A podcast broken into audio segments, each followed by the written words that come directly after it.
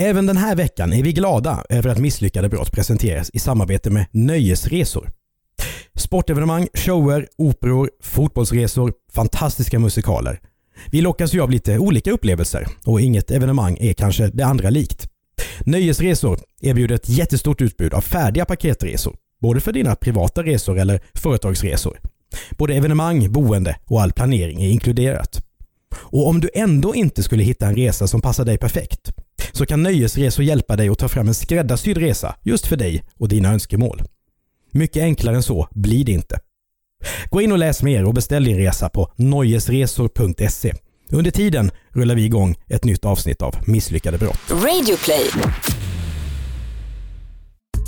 Tänk på kriminalfallen som du aldrig hört talas om. Det är de som den här podden ska handla om.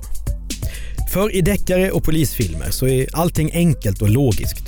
Bovarna har tydliga motiv och är genomtänkta och polisen pusslar fram en lösning där vi får alla svar. Men i verkligheten fungerar inte det så alls, för de flesta brottslingar planerar dåligt, de jobbar irrationellt och de är rent korkade. Välkommen till Misslyckade brott med mig, Mattias Bergman. Och I det här avsnittet så ska jag berätta historien om polisen vars husrenoveringar blev så dyra att han rånade banken för att ha råd. Och sen ledde jakten på sig själv. Det är sju dagar före julafton 2004. Klockan är strax efter två på eftermiddagen när en man kliver in på storbanken Nordeas kontor i Söderhamn. Han är klädd i heltäckande svarta kläder, stickad mössa, solglasögon och en luva som täcker ansiktet. Mannen går fram till en av kassorna, knuffar en av kunderna åt sidan och skriker på engelska för att dölja sitt dalmål. “Give me the money!” Mannen har en pistol i handen som han viftar med. Den är svart och glänser. Han framstår som väldigt stressad och när kontanterna inte dyker upp så snabbt som han hoppas på så trycker han på genom att skrika “Hurry up!” När en av de bankanställda rör sig bakom disken för att få fram alla kontanter följer rånarens pistol med i luften så att den alltid pekar på offret. Som närmast är pistolen bara någon meter från banktjänstemannen. När alla pengar är framme håller rånaren fram en säck där buntarna med sedlar ska läggas. Finished, säger han sedan. Nu tror banktjänstemannen och de skräckslagna kunderna i banken att rånaren ska försvinna. Men det gör han inte, för istället så går han kallt fram till en annan kassa. Give me the money, säger han igen och riktar pistolen mot kvinnan bakom disken. Hon trevar efter larmknappen, men en kollega som står bakom henne säger låt bli. Kvinnan är så rädd att hon inte vågar titta på rånaren. Eftersom hon på internutbildningar har fått lära sig att alltid lyda order i den här typen av situationer så gör hon som rånaren säger. Faster, faster, hurry up, skriker rånaren. Men kvinnan behåller lugnet. Calm down, svarar hon. Men rånaren lyssnar inte utan fortsätter att hetsa. More, more, give me more. Han säger också, liksom för att rättfärdiga det som han just håller på med. I don't want to hurt you. It's not your money, it's the bank's money. Hurry up. När kvinnan har plockat fram alla tillgängliga kontanter så läggs även de här i rånarens säck och sedan går han mot utgången. Men innan han lämnar banken vänder han sig om och säger “Merry Christmas”. Ja, det är den 17 december. Och ute på gatan i Söderhamn står nu rånaren med 698 270 kronor i handen. Rånet har bara tagit 1 minut och 35 sekunder. Det som inget av offren inne på banken vet är att det här är inte vilken rånare som helst. För den där luvan som täcker ansiktet, den tillhör nämligen polisens insatsstyrka. För mannen som just har rånat banken är polis. Han heter Jan och för några år sedan så har han hållit en utbildning där bankens personal har fått lära sig hur de ska bete sig vid ett rån. En av de bankanställda minns att han då pratade om, om vikten att alltid utgå från att de vapen som en rånare har med sig är äkta. Och det har ju bankpersonalen här också gjort. De vet inte att Jan har haft med sig en attrapp. Men den stora frågan är förstås, hur kunde en av stadens mest uppskattade poliser bli så desperat att han rånar ett lokalt bankkontor? Ja, för att svara på den frågan så måste vi gå tillbaka lite grann i tiden, till 1999.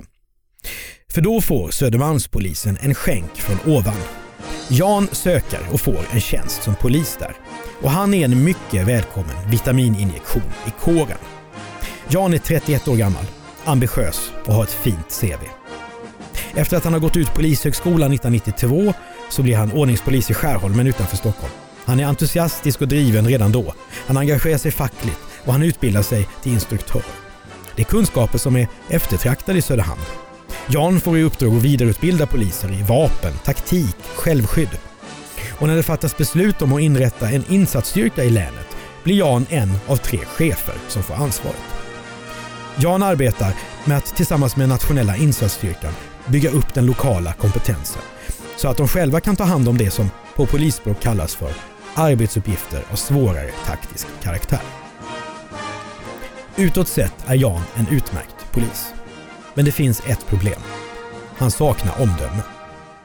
Och det här ska visa sig tidigt i karriären. Under sin tid som polis i Stockholm så ska Jan lämna tillbaka en stulen bil.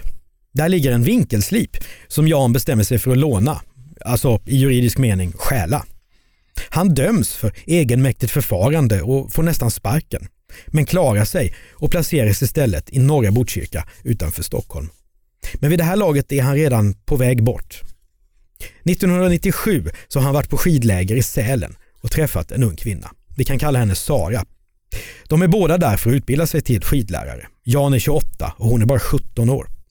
I en intervju i tidningen Café beskriver Jan senare henne som en vacker, levnadsglad och sportintresserad tjej som gick rakt in i hjärtat. De två blir förälskade. Jan skiljer sig från sin dåvarande fru, säljer villan utanför Stockholm, gifter sig med Sara istället och flyttar 1999 upp till henne i samband med att han får jobb på Södermalmspolisen. Han köper en gammal kyrka på landet för 170 000 kronor och börjar ett mödosamt renoveringsarbete. Nu ska han börja ett nytt liv med kvinnan som han älskar. Men snart börjar problemen för Jan. För renoveringen av den här gamla kyrkan, det är som alla andra renoveringar. Den tar längre tid och den kostar mer än någon har anat. Den första vintern är det så kallt i bostaden att tvätten fryser fast i maskinen. Åldersskillnaden mellan Jan och Sara börjar också göra sig påmind. Hans karriär snurrar på för fullt och hon går fortfarande på gymnasiet. De bråkar mycket och Sara visar sig vara så svartsjuk att Jan ljuger om exfrun och säger att hon dog i en bilolycka. Han säger också att hans ärr på armen, som kommer från en olycka när han var liten, det är minsplitter från en FN-tjänstgöring. Bråken hemma gör att Jan jobbar ännu mer. Men även på jobbet känner han sig frustrerad. Under Göteborgskravallerna 2001 är Jan chef för de ditkommenderade poliserna från Gävleborgs län.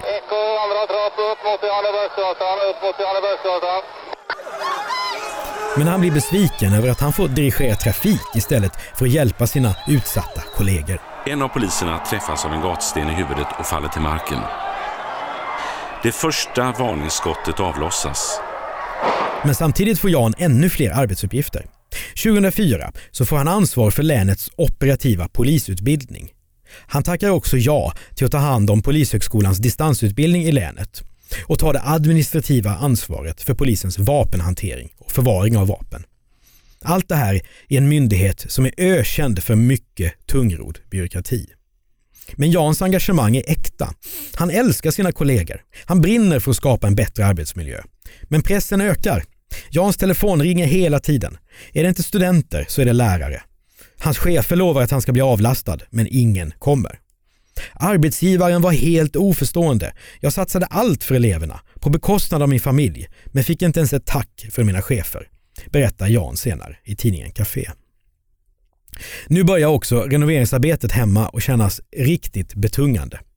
Jan och Sara har fått barn, vilket tar massor av deras tid. Dessutom börjar det bli riktigt kärvt ekonomiskt. Det senaste året har varit tufft. Trots att Jan tar på sig det ena extrauppdraget efter det andra för att dra in mer pengar så går det ändå inte ihop. Och Jan blir allt mer desperat. I snålblåst, svetslågor, på hög höjd eller med tung last tar du risker varje dag. Genom att erbjuda bästa tänkbara skyddsutrustning och rätt verktyg för jobbet kan vi göra ditt jobb säkrare. Och säkerheten har aldrig varit viktigare. Så välj Swedol. För säkerhets skull! För säkerhets skull. Hej! Är du en av dem som tycker om att dela saker med andra? Då kommer dina öron att gilla det här. Hos Telenor kan man dela mobilabonnemang. Ju fler ni är, desto billigare blir det. Skaffa Telenor familj med upp till sju extra användare. Välkommen till någon av Telenors butiker eller telenor.se. Välkommen till Momang, ett nytt smidigare kasino från Svenska Spel, Sport och Casino där du enkelt kan spela hur lite du vill. Idag har vi Gonzo från spelet Gonzos Quest här som ska berätta hur smidigt det är. Sí, es muy excelente y muy rápido. Tack Gonzo. Momang, för dig över 18 år. Stödlinjen.se. Tillbaka till den 17 december 2004. Och Jan ska senare berätta att han, när han är på väg till jobbet, inte har några som helst planer på att begå något brott. Men under förmiddagen så växer sig hans ångest så stark att han ser ingen annan utväg än att råna en bank. Så under lunchen packar Jan sin insatsväska med skor, kläder, mössa och den här insatsluvan. Han plockar också fram en attrapp av polisens förra tjänstevapen, en Walther PPK, en sån som man ser i Bondfilmerna. Och så lägger han den i väskan. Jan har köpt den här attrappen i en leksaksaffär och har använt den i samband med olika utbildningar. Nu plockar han fram den eftersom han inte vill hamna i ett läge där han i en stressad situation skjuter mot sina kollegor med riktigt vapen. Sin mobiltelefon lämnar Jan på skrivbordet så att han inte ska kunna spåras med hjälp av den. Sen tar han sin civila tjänstebil, en Volvo, till resecenter där han byter om. Sitt tjänstevapen, en Sig Sauer, lämnar han under förarsätet. Attrappen tar han såklart med sig. Och så går han mot centrum. Senare ska Jan berätta att det är först under den här promenaden som han verkligen bestämmer sig för att råna banken. I efterhand framstår det, med tanke på alla de här förberedelserna, som osannolikt. Jan har ju dessutom många chanser att ångra sig, men det gör han inte. Han bestämmer sig för Nordea. Varför just den banken? Ja, kanske för att Nordea inte har velat hjälpa Jan för att reda ut den trassliga ekonomin. När han står utanför bankkontoret rullar han ner insatsluvan och går in. Väl inne på banken under rånet så känner sig Jan panikslagen. Han har hög puls. Pistolattrappen känns, ska han berätta, som en disktrasa i handen. Eftersom Jan vill vara tydlig med att han inte har ett riktigt vapen så håller han upp attrappen mot en av övervakningskamerorna och trycker in avtryckaren två gånger. Väl utanför banken, när rånet är över, så står Jan alltså på gatan, svartklädd och maskerad, med ett rånbyte på nästan 700 000 kronor i en säck. Och nu vet han inte riktigt vad han ska göra. Han ser en Volvo 760 på parkeringen bredvid. Han springer dit och knackar på rutan. Han skriker “Get out” till den 70-åriga kvinnan som sitter i bilen och så visar han pistolen. På väg ut så försöker hon reflexmässigt dra ut nyckeln ur tändningslåset men Jan stoppar henne. “Leave the key” säger han. Jan kastar in säcken med pengarna i bilen, sätter sig bakom ratten och kör iväg. Han har inte planerat någon flyktväg, men han kör snabbt och vårdslöst mot resecentrum. Där parkerar han kvinnans Volvo, springer fram till sin egen bil och hoppar in. Han tar av sig de kläder som han haft på sig under rånet. Sen slår han på polisradion. För nu måste Jan spela teater på hög nivå. Han måste vara med och leda jakten på sig själv.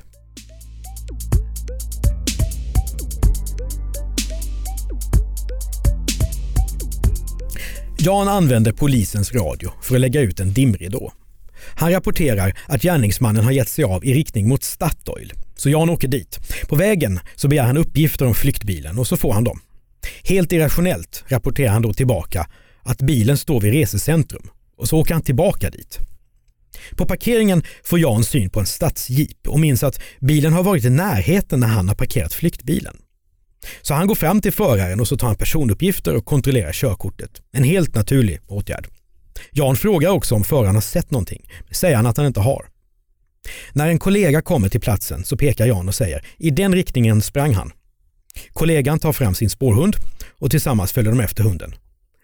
Jan har nu dragit sitt tjänstevapen, alltså sitt riktiga tjänstevapen, inte attrappen. När de söker nära Söderhamnsån så råkar kollegan ramla i vattnet. Och hunden får inte heller upp några spår, så de här två polismännen blir nu avbytta och åker till polisstationen istället. Efteråt så ska kollegan berätta att det kändes bra att ha den rutinerade Jan vid sin sida. Han gjorde allt rätt. Han agerade proffsigt och helt enligt rutinerna. Men de två får inte vila så länge. Snart blir de utskickade igen. Den här gången ska de söka igenom ett koloniområde, men det ger ingenting. Senare samma dag får polisen ett tips från en kvinna. Hon säger att hon har hört ett samtal om ett rån och även sett ett vapen. Och de personer som det här gäller, de finns i en lägenhet.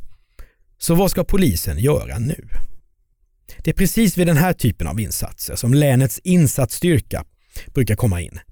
Och en av de tre ansvariga för den, det är ju Jan.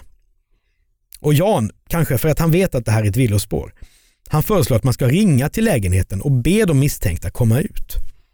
Men eh, utredningschefen bestämmer att man ska använda sig av Dynamic Entry. På ren svenska, man ska slå in dörren. Så blir det också. De griper tre personer, men de har ju ingenting med det här rånet att göra. På kvällen åker Jan hem. Det verkar som att han har lyckats. Pengarna förvarar han på sitt kontor.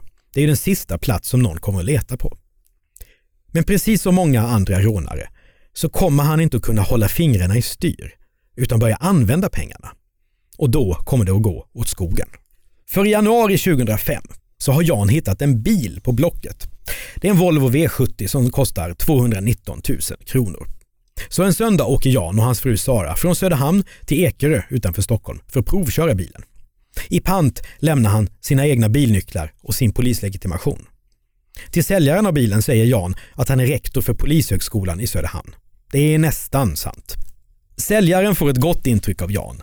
Han bjuder till och med på lunch och sen blir det affär. Jan förvånar säljaren med att säga att han har hela beloppet för bilen i kontanter med sig. Också Sara verkar förvånad när hennes man säger att han ska betala cash. Men Jan förklarar att de här pengarna har han fått i ersättning för en hörselskada. När säljaren av bilen räknar pengarna så noterar han att vissa sedlar är i nummerföljd. Det är någonting som nästan aldrig förekommer. Och eh, han säger också, liksom i förbigående, att det känns tryggt att göra affär med en polis. De tar farväl. Jan och Sara åker hem i varsin bil, den de kommer såklart, och den Volvo V70 som de nyss har köpt. Det verkar som att Jan har kommit undan med det omöjliga. Resten av hans rånpengar lägger han i en svart väska som han i stort sett alltid bär med sig.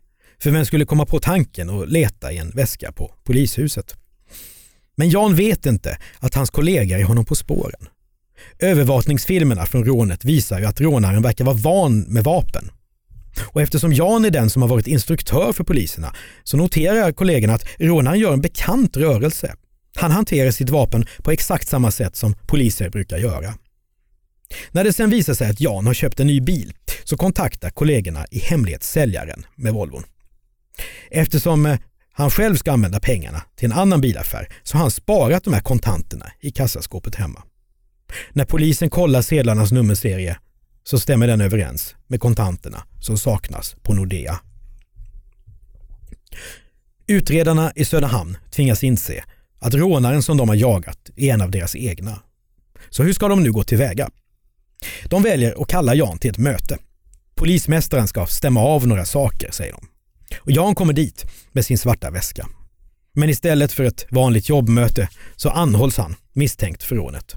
Först vill han inte lämna ifrån sig den svarta väskan men tvingas till det. Och där i ligger ju både hans eget tjänstevapen och sedelbuntarna för rånet på Nordea. Jan bryter ihop och erkänner. Hans plan, hur överlagd den nu än var, slutade i ett misslyckat brott. I april 2005 dömer Söderhamns tingsrätt Jan till fem års fängelse. Sen ska hovrätten sänka det här straffet med ett halvår. Jan väljer att själv säga upp sig från polisen, annars hade han fått sparken såklart. Idag har han avtjänat sitt straff och bytt namn för att börja ett nytt liv. Men det finns fortfarande oklarheter kring det här fallet. För vissa av Jans gamla kollegor tror inte att hela sanningen har kommit fram. I en intervju med Gefle Dagblad 2015 så säger den pensionerade kriminalchefen Tord Tallmarker att han är säker på att Jan hade en medhjälpare. Otroligt osannolikt att han skulle råna en bank utan att ha flyktvägen klar för sig innan han går in och rånar banken. Helt klart hade han en, en tanke med att någon skulle hämta upp honom där, det är vi helt övertygade om. Nej, Tord Tallmarker köper alltså inte Jans version av vad som har hänt. Han är säker på att någon skulle hämta upp Jan efter rånet och att Jan drabbades av panik när det inte skedde och därför kapade bilen på parkeringen. Och så är det de där 120 000 kronorna som aldrig hittades. Det kan stärka tesen att en medhjälpare har fått del av Jans rånbyte. Hur det förhåller sig med den saken kommer vi aldrig att få veta. Däremot vet vi hur det gick för Jan. Efter rånet förlorade han allt. Jobb, familj och vänner. Hans planer på ett nytt laglydigt liv gick inget vidare. 2009 döms han återigen till fängelse för bland annat skattebrott och illegal handel med dieselolja. Jan har, skriver helahälsingland.se, tillsammans med en kumpan transporterat 1,2 miljoner liter dieselolja från Danmark och sedan sålt det i Sverige. Du har lyssnat på Misslyckade brott med mig, Mattias Bergman. Producent för podden är Andreas Utterström. Prenumerera gärna på oss och betygsätt oss i iTunes. Och så kan du mejla oss med tips på fler misslyckade brott till misslyckadebrott@bplus.se. En podd som de kriminella i Misslyckade brott kanske borde ha lyssnat lite mer på är Känslor och sånt. Där träffas Kalle och Niklas varje söndag och grottar ner sig i knepiga känslodilemman. Till exempel när man ska få barn och tvingas bli vuxen. Eller när man har en tung period och känner sig lite deprimerat. Det är mysigt och mjukt och det går rakt in i hjärtat till och med på en cyniker som mig. Du hittar känslor och sånt där poddar finns och självklart också i Radioplay-appen.